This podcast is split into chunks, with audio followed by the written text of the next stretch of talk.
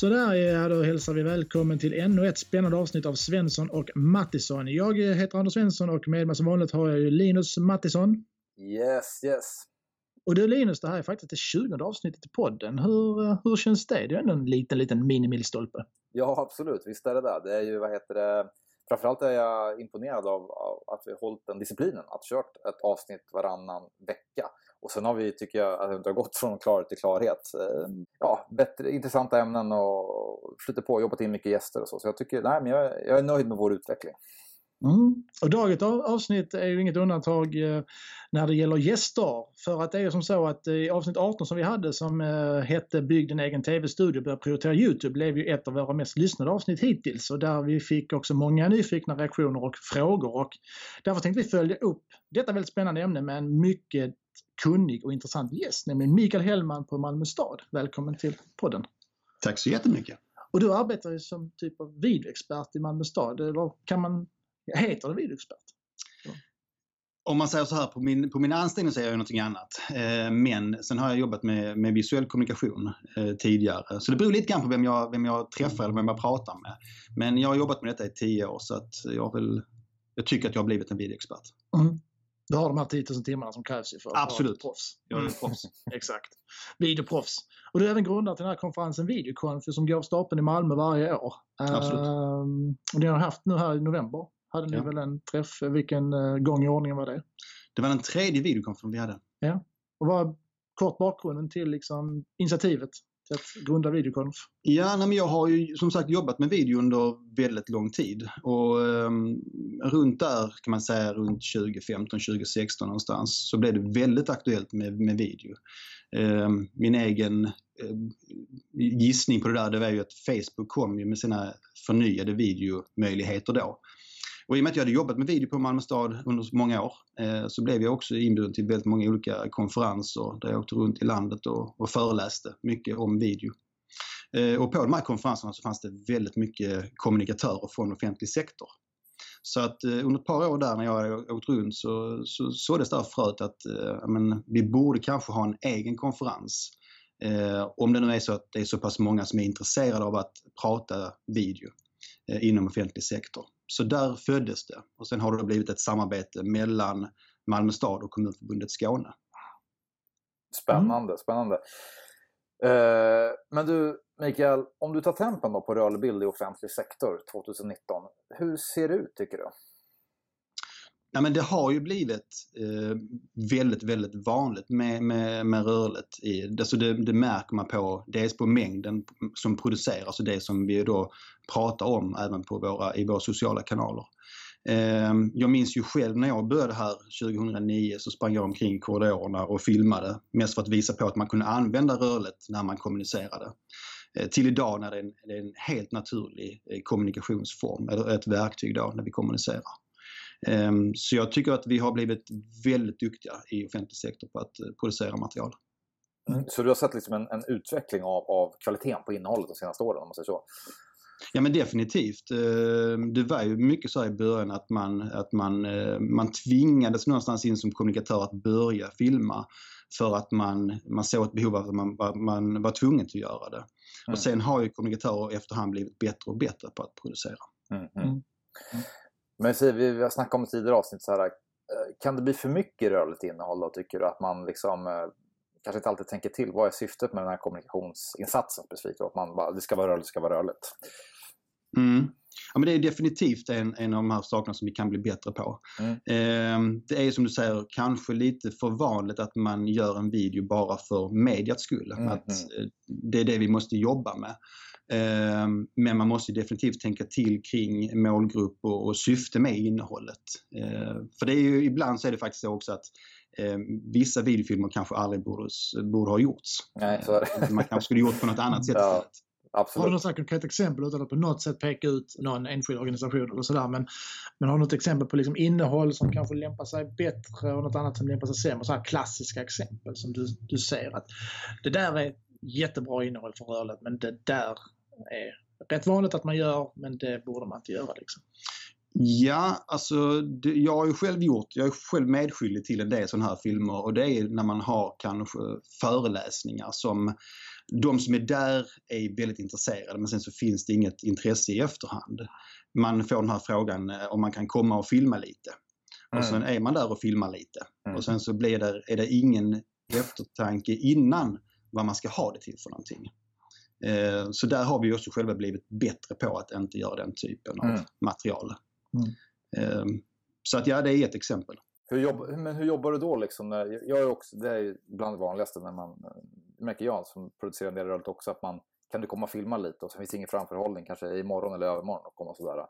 Hur har du jobbat med att kanske ta fram någon typ av eh, syfte eller brief för, eh, för de som vill beställa film? Har du jobbat på det sättet eller? Ja, alltså min roll här på Malmö stad är ju, är ju kanske lite annorlunda för jag Mm. jobbar ju mer sådär övergripande. Vi har 130 kommunikatörer i Malmö. Mm. Så mitt huvuduppdrag är ju att hjälpa och stödja dem i deras arbete med, Ja, med video och skapa förutsättningar. Ja. Så jag filmar ju en del men det är ju inte jättemycket. Nej. Eh, Det blir, det, men- blir, det blir mindre för din del kanske de senaste åren.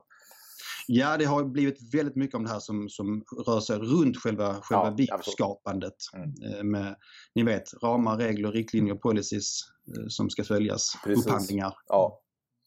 Men, Det, eh, måste vara väldigt svårt också för en så stor organisation, du sa ju själv 130 kommunikatörer man består, att få alla att dra åt samma håll och att se till att kvalitetssäkra allting. Det låter nästan övermäktigt att göra det men det är ju ett stort uppdrag och video är ett stort område. Det kräver att man har kompetens på, på en mängd olika sätt. Det vi har gjort här i Malmö är att vi har en, eh, ett, eh, en videogrupp. Eh, som sagt 130 kommunikatörer men vi är i gruppen ungefär 30-40 stycken som, som träffas med fyra gånger per år för att diskutera eh, video på Malmö stad. Eh, och det är ju de kommunikatörerna då som är, kan man säga, de ansvariga per förvaltning.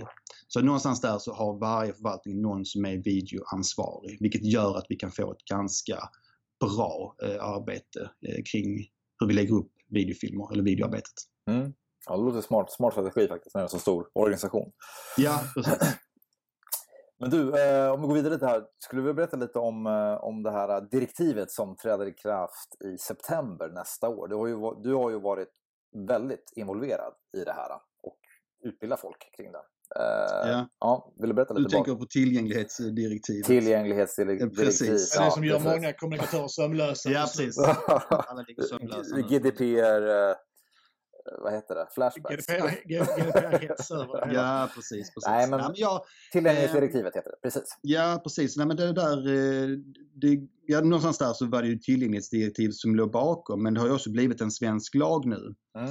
Eh, Det blev svensk lag den 1 januari nu 2019.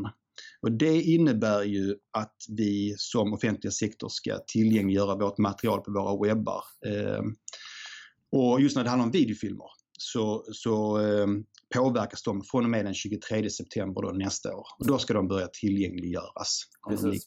våra webbar. Och vad innebär det med att de ska tillgängliggöras? Vad är, vad är det som träder i kraft där i september? För jag har förstått som så är det också att de portionerar ut lite här nu under några år. Men vad är det som kommer Mm. att gälla just nu i september 2020? Då är det så att alla, dels är det hur själva filmen skapas, att den är tillgänglighetsanpassad när man eh, gör själva inspelningen eller redigeringen. Till exempel saker som att det är bra kontraster i färger, bra kontraster mellan bakgrundsljud och speaker.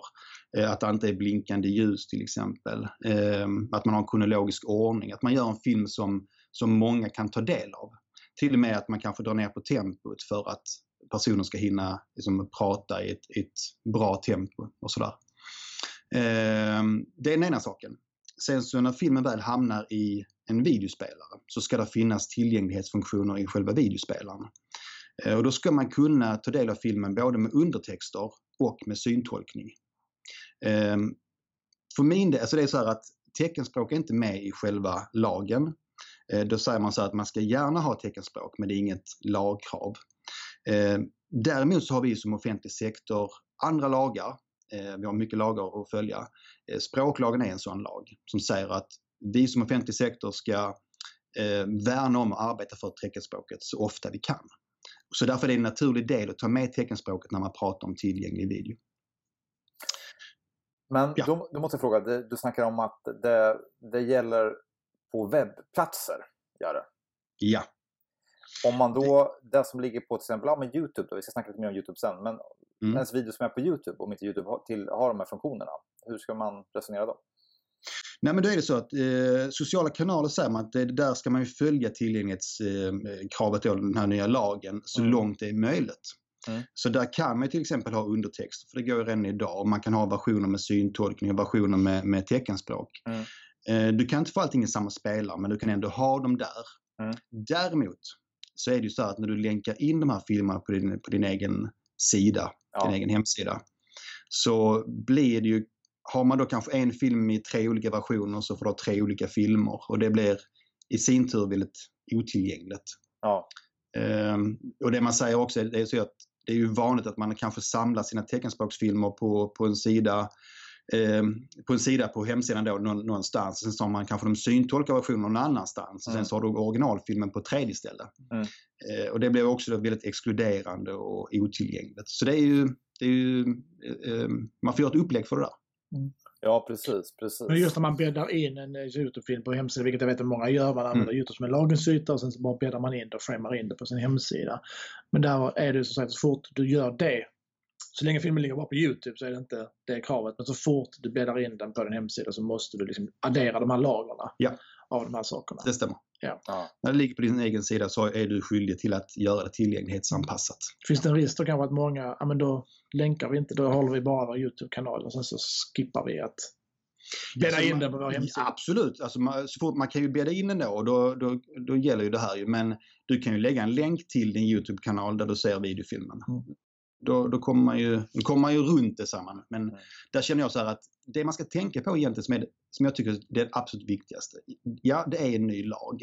Men potentialen för att nå fler personer är ju gigantiskt stor. Eh, tänk så många fler personer som kan ta del av vår samhällsinformation som de inte har kunnat göra tidigare. Det är ju där själva vinsten ligger. Mm. Så man ska nu fokusera mer på att ja, men tänk så bra att vi kan nå fler personer. Eh, och det gäller ju inte bara personer som är eh, döva eller hörselskadade eller blinda eller har en utan det är ju även personer med kognitiva svårigheter. Man har kanske ADHD eller ADD, dyslexi till exempel. Att man gör ett material som alla kan ta del av oavsett sina, sina förutsättningar som, som individ. Mm, mm, Min mm. förhoppning och tro är också att sådana här man brukar säga, men hur ska vi kunna fixa det och göra det? Så är alltid min förhoppning så här, ja, men brukar marknaden lösa genom att någon tar fram något smart verktyg som alla kan använda. Har du något tips redan idag på något sånt där smart verktyg som man kommer kunna eh, nyttja då eh, när det gäller just, för att det låter ju väldigt resurskrävande och jobbigt för kommuner att börja jobba med syntolk och teckenspråk och så Mm. vidare. Varenda produktion man gör. Mm. Ja, men jag tror, så, på Malmö har vi gjort så här ehm, eh, att vi har startat, eh, vi har haft del olika projekt. Eh, vi håller på med ett just nu eh, där vi har tänkt så här att man, man, kan man ta fram någon form av recept på att göra en tillgänglig video? Och, vad- och, och det har vi då gjort tillsammans med ett produktionsbolag. Eh, så det är vi själva från Malmö stad med vår kunskap kring tillgänglighet. Eh, produktionsbolaget då som har fått filma och vi har haft diskussioner med dem med eh, ja, olika förutsättningar man är ute på en inspelningsplats. Eh, och sen då i redigeringen, vi har pratat med, med syntolkar och undertextare och teckenspråkspersoner och sådär. Eh, mest för att se var ligger utmaningarna någonstans och hur kan man, hur, vilka problem eller utmaningar stöter man på? Och vad är det vi måste lösa för någonting? Så en bra kul som jag fastnade lite för, du sa just det här med att man måste tänka på liksom färgsättning, eh, ljud, tempot kanske dra ner på det.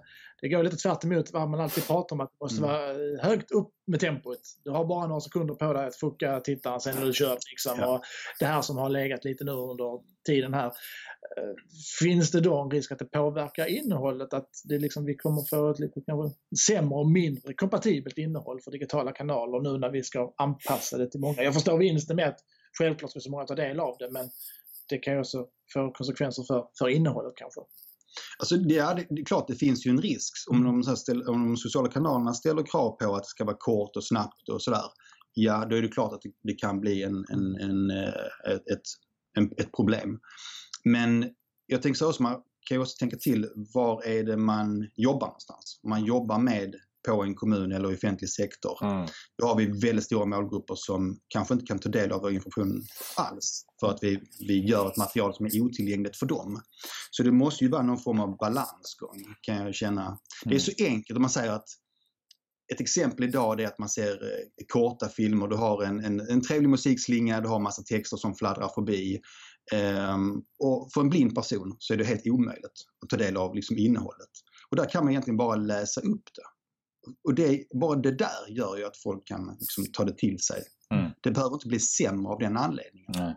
Och jag har ju pratat med, med syntolkar och blinda Ja. personer och de säger samma sak där att det, det är ju det som är det viktiga Ja. för själva liksom, eh, berättandet. Man behöver inte berätta vilken, vilken färg Nej, någon har precis. på någon slips Nej. eller eh, utan det, det är det här mer om man hör ett ljud och, så, och då måste man berätta vad, vad, vad, är det för ljud? Ja. Hör man någon som knapprar någonstans, ja då kan man ju berätta att vi sitter här vid en dator till Ja. exempel, att man förstår det där. Och det, det går ju att få in ganska naturligt i många, i många sammanhang faktiskt. Eh, Ja. utan att det låter liksom eh, konstigt. Precis. Det är det som också kommer påverka själva manusbyggandet och planeringen av videofilmerna. Så där tror jag den stora skillnaden kommer bli att man kommer att få börja planera filmerna på ett annat sätt. Man kan inte bara gå ut och filma lite utan det blir mer att man måste planera. Mm. Eh, för då kan man få in de här sakerna som vilka klippbilder behöver vi ta? Ja. Var ska vi behöva göra utrymme för att få in en syntolkning till exempel? Och bra manus. Det låter som att det är ett gedigen utbildningsinsats som kommer att krävas här och att vi kommer att få se x antal utbildningsmöjligheter för kommunikatörer i det här. För att det här är ju liksom en, en ny resa, verkligen. Det, och det är också spännande. Ehm, Det här kommer ju ett krav från EU liksom och det har nu blivit en svensk lag på att nu ska vi göra så här. Det, det tokiga i sammanhanget är ju att, att bli undertextare det är ju en universitetsutbildning. Alltså det, det kräver lång tid i, i skolbänken och, och erfarenhet för att bli en bra undertextare. Mm. Syntolkar likadant där. Att du måste ju dels utbilda dig och dels liksom arbeta med det för att få kunskap. Och nu är det någonting som man lägger på, på var och en att själv hantera. För Mm. många som kanske nyss har börjat filma och som liksom är jätteglada att de får ihop sin första film som är liksom schysst och sådär. Ja. Och börjat komma igång med det här och sen helt plötsligt så pådubblas man som du säger kompetenser som, som Ja. faktiskt kräver eh, rätt mycket förkunskap och utbildning. Ja, och det är ju lätt idag liksom att hitta program på, på nätet. Liksom, vi har Youtube där man kan undertexta sina, sina filmer. Men du kommer hela tiden in på det här, ja, men hur många tecken bör jag skriva? När ska jag göra avstavningar? Vilka ord ska jag ha med? Behöver jag ha synonymer? Ska jag skriva ner allting som sägs? Alltså, det, det väcker massa frågor. Eh, det Jag vill kan- märka själv bara texta, det, det är inte helt lätt. Och där, liksom ingen, baserar man inte på någon vetenskap och sådär utan jag liksom bara försöker göra det begripligt. Men, men Ja. det är tufft är det. För Ja. att eh, just när vi pratar så är det väldigt mycket ord. Och, eh, det går liksom inte att få med allting. Precis.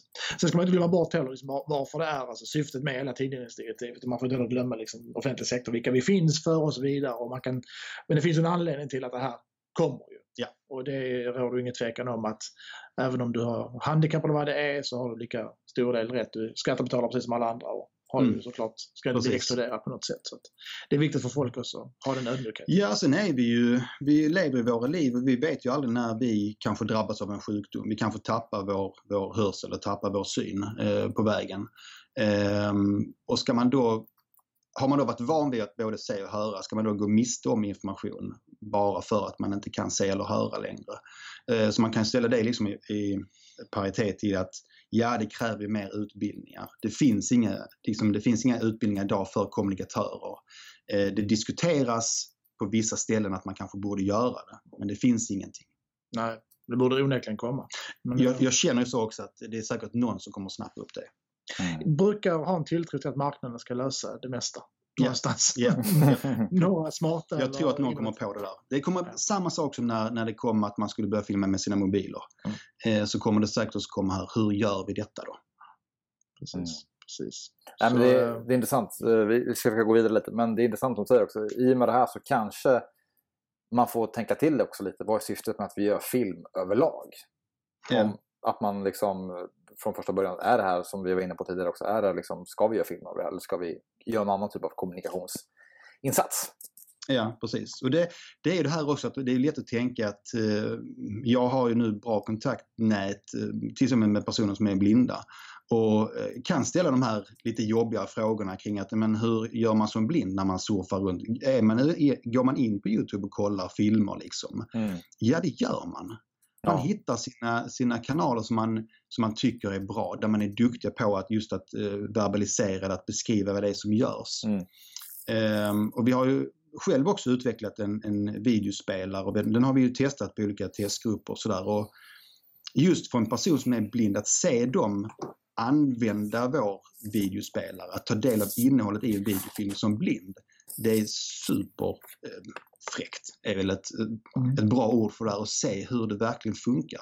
Mm. Alltså det gör liksom nytta på riktigt. Ja, precis. Ja, men jag har också varit på sån förut. Det var en som visade en blind hänger på sociala medier och Instagram och sånt. Och jo då, det gör de Ja. visst. Och man bara va? Gör? Jo då, det kan de visst göra. Precis. Och där har jag också kommit till den funktionen på Instagram att man kan lägga till alternativtexten ju. Ja. Och det såg jag, tror jag var en av de första faktiskt i Sverige som jag tyckte jag såg göra. Det var ju eh, tack och lov re- regeringens eh, Instagramkonto för jag tror det var en bild på Stefan Löfven och det här är nog ett år sedan tror jag. Det var väldigt tidigt när det här kom. Och då var det en bild på Stefan Löfven och så stod det alternativtext. Alltså Stefan Löfven sitter i en grå soffa och tittar ut. Liksom väldigt beskrivet. Jag bara aha, nu. Det var liksom första gången jag såg det någonstans. Ja. Men jag har inte sett det på jättemånga ställen. Men eh, de, Nej, och det är det. Det kommer ju komma, det kommer nog hända väldigt mycket här under, under våren. senast, eller näst senaste avsnittet så snackar vi om eh, hur man kan stärka upp sin inhouse-produktion. Eh, hur ser du på det? Vad, är, vad är, tycker du är viktigast och centrala när man försöker vässa och stärka upp sin inhouse-produktion för en, för en eh, ja, kommunikationsavdelning? Mm. Ehm, nej men jag, jag tänker så här att vi sitter på väldigt mycket kunskap själva. Mm. Så att det är just där, det, det är också ett, ett dilemma eller ett, eh, en utmaning kring när du ska blanda in när man säger externa produktionsbolag eller PR-byråer eller reklambyråer. Att det kan bli ett, man säger ett, ett, en liten vägg där eller en liten mur emellan. Att vi, vi kan ju vårt material absolut allra bäst själv. Precis. Ehm, och vi kan ju få personer som är alltså tjänstepersoner eh, till att verkligen kunna bli avslappnade och ehm, Ja. kunna få ut det absolut bästa. Det där kan ju bli ett, ett jobbigt moment om man blandar in externa produktionsbolag. Mm. Så jag tror att vi kan komma väldigt, väldigt långt internt. Eh, egentligen bara det här genom att man lär sig filma med sin mobil kanske. Mm. Man lär sig enkla redigering. Så kan du få de här som är de här filmerna som är väldigt eh, jordnära och här och nu-filmerna. Mm. Eh, och ska man sen göra de här stora produktionerna till exempel kring eh, sin kommun med, med drönarfilmer och någon, någon skön musik och massa glada människor. Eh, Mm. Så kanske det är det stora produktionsbolaget man ska använda, Mm. tänker jag. Mm. Alltså jag tror det finns, det finns eh, anledning att använda sig av båda eh, Mm. någonstans. Precis, precis. Det är lite grann det som vi brukar säga. Jag har också slagit slag för ibland när jag är ute och föreläser och så vidare. Så är styrkan i att bygga upp det själv och att ingen annan mer än de som själva är på plats kan liksom känna lika mycket, brinna lika mycket, veta lika mycket. Mm. Dessutom är det både arbets och, och kostnadseffektivt att göra det. Så är. Och det blir liksom lite konstigt också när man möter vissa så kommunikatörer och så vidare som visar sig att de mer eller mindre deras uppdrag är att vara beställare hela tiden. Att de, de, Mm. allting kontot de gör så går en kommunikationsbyrå. Då blir jag liksom, men vad gör du som kommunikatör? Ja. Det är ju ditt arbete. Det är ju det du ska göra Mm. någonstans. Eh, och det är också liksom viktigt att det, det också liksom läggs på att det, det är faktiskt det som kommunikatörerna ska Ja. göra. Men sen, har, sen är det ju så här också att man som kommunikatör, eh, man, man behöver kunna väldigt många olika, Mm. egentligen yrkesgrupper, eh, deras arbeten. Att vara en videoproducent eller en filmare, alltså det är ju, det är ju folk som, som utbildas till det också. Mm. Att man sen säger att nu ska du som kommunikatör göra videofilmer, du ska klippa.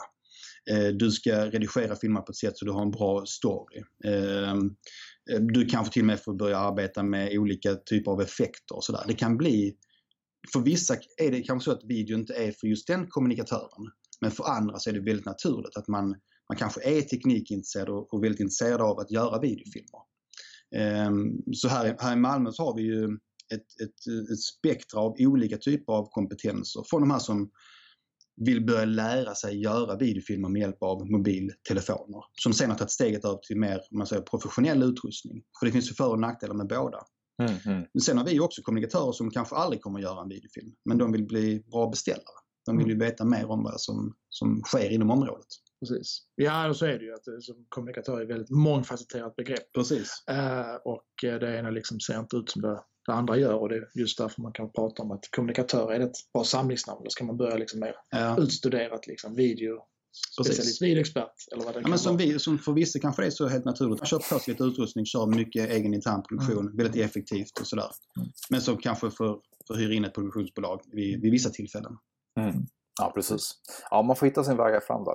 Men hur, eh, jag ska säga hur, eh, Har ni några sådana tydliga uttalade strategier för hur ni jobbar liksom då med, med videoproduktion i Malmö som ni har liksom lyckats implementera på den här liksom stora verksamheten som ni ändå har? Eh, jag tänker mig att det, det kan inte liksom vara en helt kompendium med liksom en hundra förhållningsregler utan jag tänker att ni kanske mer har jobbat fram par strategier mm. att det här måste man liksom, så här mm. gör vi. Um, så här, om man tittar på vår organisation så är det vi har ju de här 130 kommunikatörerna och, en eh, 13 stycken, 14 stycken olika kommunikationsavdelningar. Eh, och vi jobbar med väldigt många olika saker. Eh, en av de här grejerna som är väldigt spännande när man jobbar i offentlig sektor att vi gör ju allt möjligt. Så att alla de här kommunikationsavdelningarna är så pass duktiga själva att de får bestämma hur hur vill de använda video i sin verksamhet? Var hittar de sina målgrupper? För någon är det väldigt viktigt att vara väldigt närvarande kanske på Facebook, man säger fritidsförvaltningen eller eh, vi har ju andra förvaltningar som jobbar med rätt så tunga ämnen och då kan de ju nyttja video på ett annat sätt. Så det är svårt att säga så att så här ska ni allihopa göra.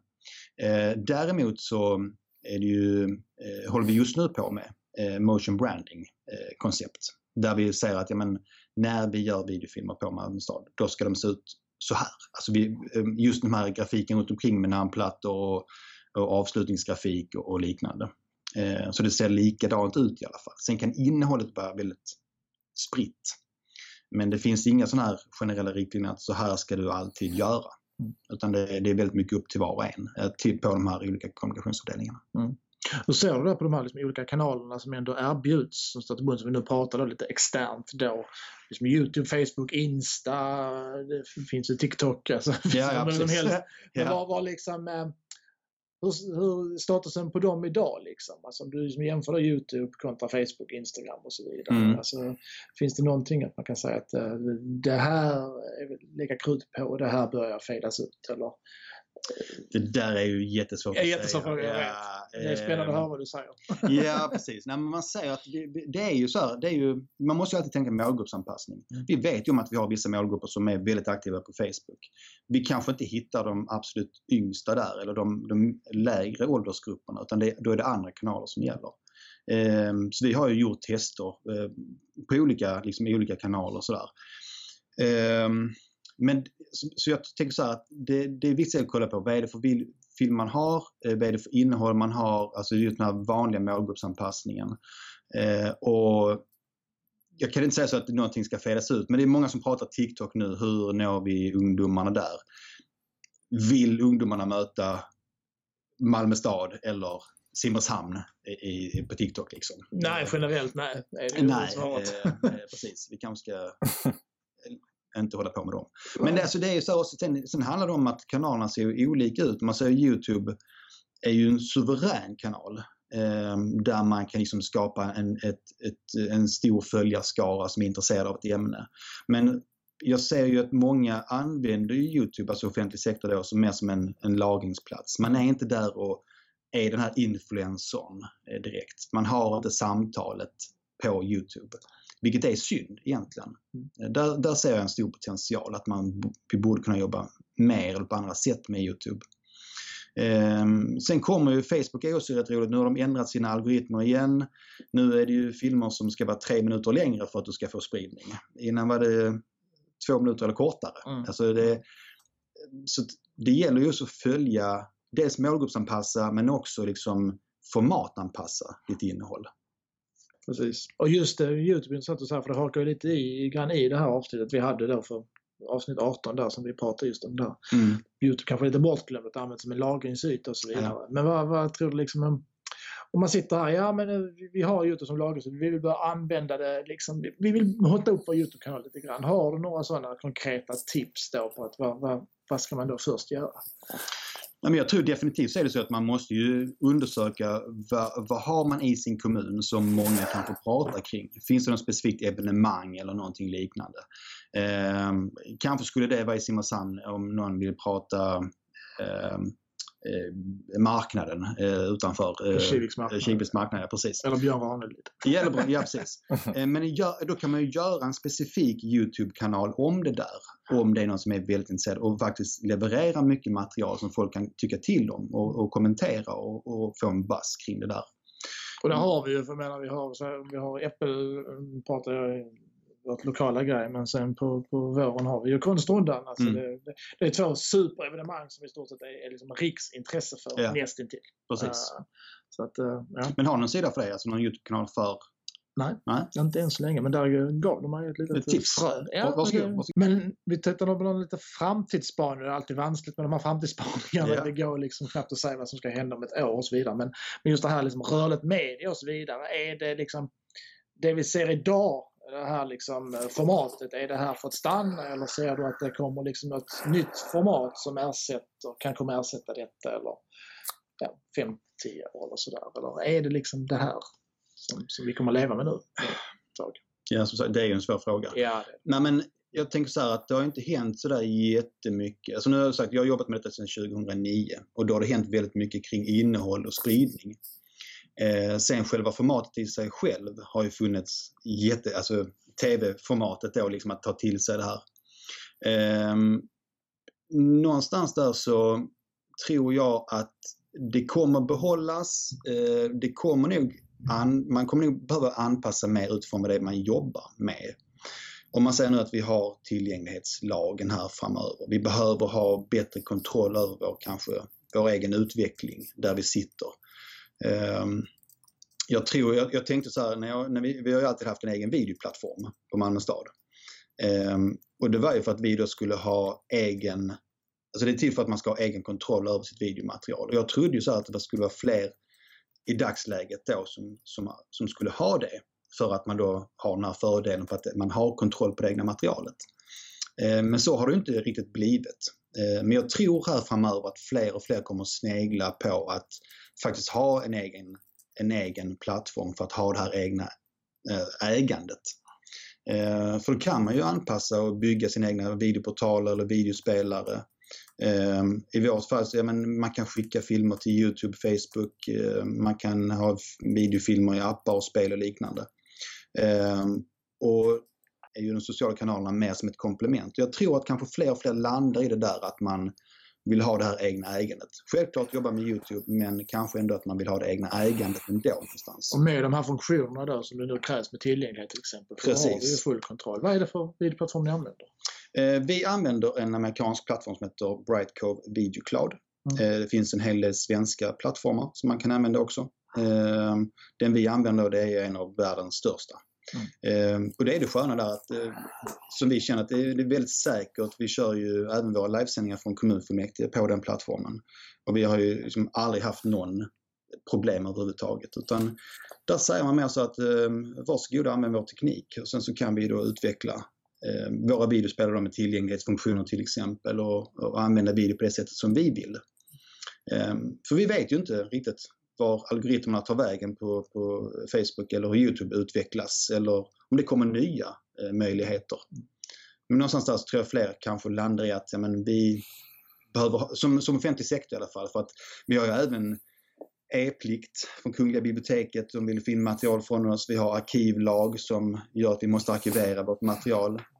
Ehm, jag tror fler kommer upptäcka att vi måste ha den här kontrollen på det materialet som vi gör. Mm.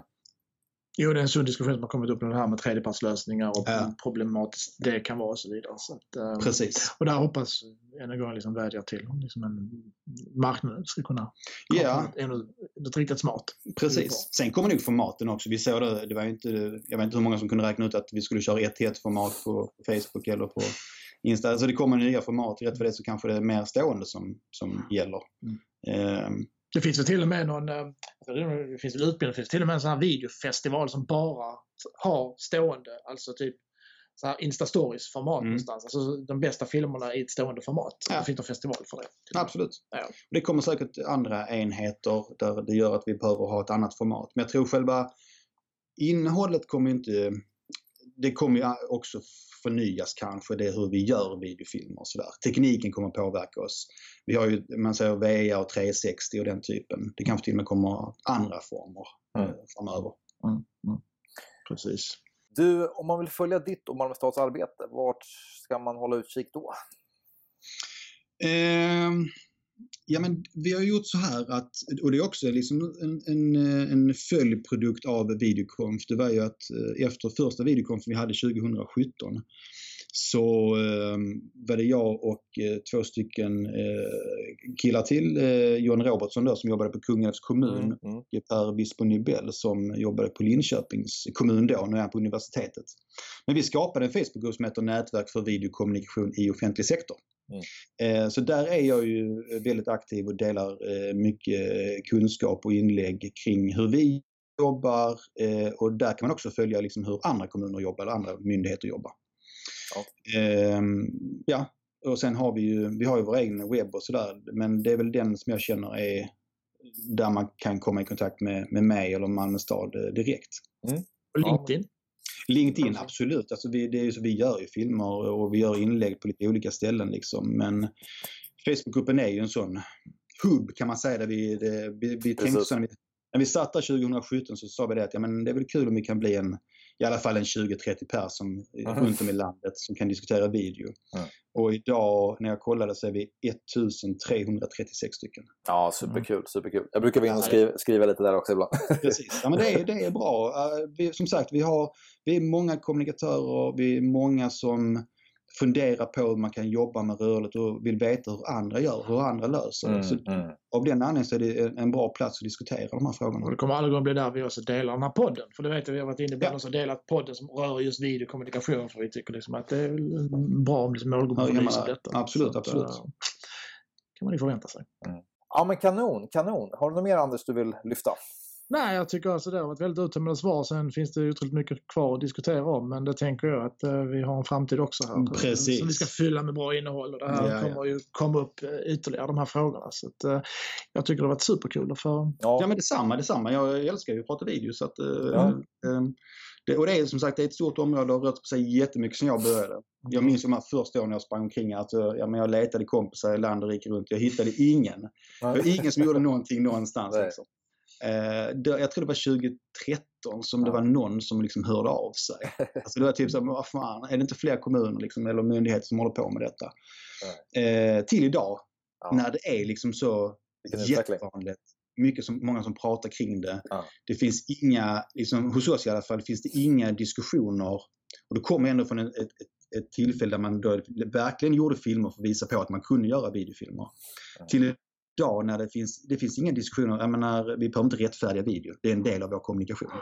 Mm. Eh, sen vet jag om att vissa kommuner behöver man fortfarande liksom rättfärdiga att det kostar pengar. Och sådär. Ja, precis, precis. Men Jag kommer också ihåg innan vi liksom med Linus har bakgrund i journalistbranschen. Jag tror det var någonstans där 2010, 11, 12 kanske som, som eh, man var lite pionjär när man liksom kom på att men, eh, vi var jag och Linus har ju bakgrund som sportjournalist till exempel. Ja. Man var nere och snackade med de spelare och så stod man ju och antecknade då för, för att det skulle in sig i papperstidning. Så tänkte jag men då var mobilerna ändå så pass hyfsade kameror. Nej, jag tror på liksom, ta upp på bild och så kör vi liksom en halv minut och bara lite, Mm. får lite liksom, ljud och bild och på dig och spelaren och hör lite kommentarer och så lägger vi upp det våra spelare och det var ju folk bara, så kan man inte, kan man göra Ja. så och så vidare. Ja men det, det tar tid. Nej, jag bara att de trycker start stopp och det är ingen vidare kvalitet men Nej. det var liksom starten till det hela. Jag tänkte, för jag står ju här och pratar med dig, men då ta upp telefonen och så filmar vi en, en, en stund och sen vi går in Mm. där. Just det. Det var ju runt där tror jag. Liksom, 11, Ja. 12. Ja, det var det ju. Det var Det ju där sedan. liksom, det någonstans började. Och då var man pionjär. Man Mm. bara gjorde det. Mm. Då var liksom folk bara, oh, nej. Alltså det, det, jag tycker så att det är superkul att se liksom så på nära håll liksom hur det har förändrats. Mm. Eh, verkligen då, liksom, som vi allihopa då fått vara med liksom från typ början. Eh, jag hade ju en kollega, eh, när jag kör mina dragningar så, här, så berättar jag oftast att när jag kom hit då, det var ju våren 20, 2009. Och strax efter det här, bara någon månad, så kommer det in en kollega liksom med, med VHS-kassetter, DVD-skivor, USB-minnen och eh, sådär. Så säger hon då liksom, men du, du vet Youtube finns ju så, ja. Eh, här, jag har massa filmer här. Kan vi på något sätt göra detta tillgängligt på vårt intranät? För att hon hade vid det tillfället då precis gjort tusen stycken USB-minnen. Som hon hade skickat ut till tusen stycken chefer här i Malmö via internposten. Eh, För att de skulle ta del av de här video, ett videomaterial. Och tyckte att det där var ju väldigt bökigt. Mm. Så det var där vår resa började någonstans. Att Okej, men hur gör vi detta på något smidigt sätt? Och det var ju där vi landade i att använda en videoplattform. Mm. Och sen då eh, upptäckte man att oj, men här finns ju supermycket möjligheter om vi bara liksom för det här med kontrollen då. Eh, och sen Mm. har det liksom bara utvecklats. Mm. Sannerligen tidigt ute. Ja, jo men det, det, vet, jag, det vet jag ju. Men Mm. Det var ju också en, det var en väldigt frustrerande tid egentligen. Att Just att man, man, jag var på folk som, men gör inte ni någonting? Vad gör ni i Stockholm? Jag var uppe i Stockholm och pratade. Jag träffade i Göteborg. Eh, vad gör man på Region Skåne? Liksom att, Mm. Mm. vad händer? Vad händer? Mm. Eh, tills det är där vi är idag. Liksom. Tack så mycket igen eh, Mikael. Mikael Hellman så hemskt mycket för att du vill vara med. Mm. Tack så jättemycket. Och eh, tack till alla, eh, eller till dig som har lyssnat eh, på det här avsnittet och vi återkommer igen eh, onsdag om två veckor med ännu ett avsnitt. Och sen så. Det gör vi. Ha det så bra ni. Mm, hej hej! Hej då, hej då.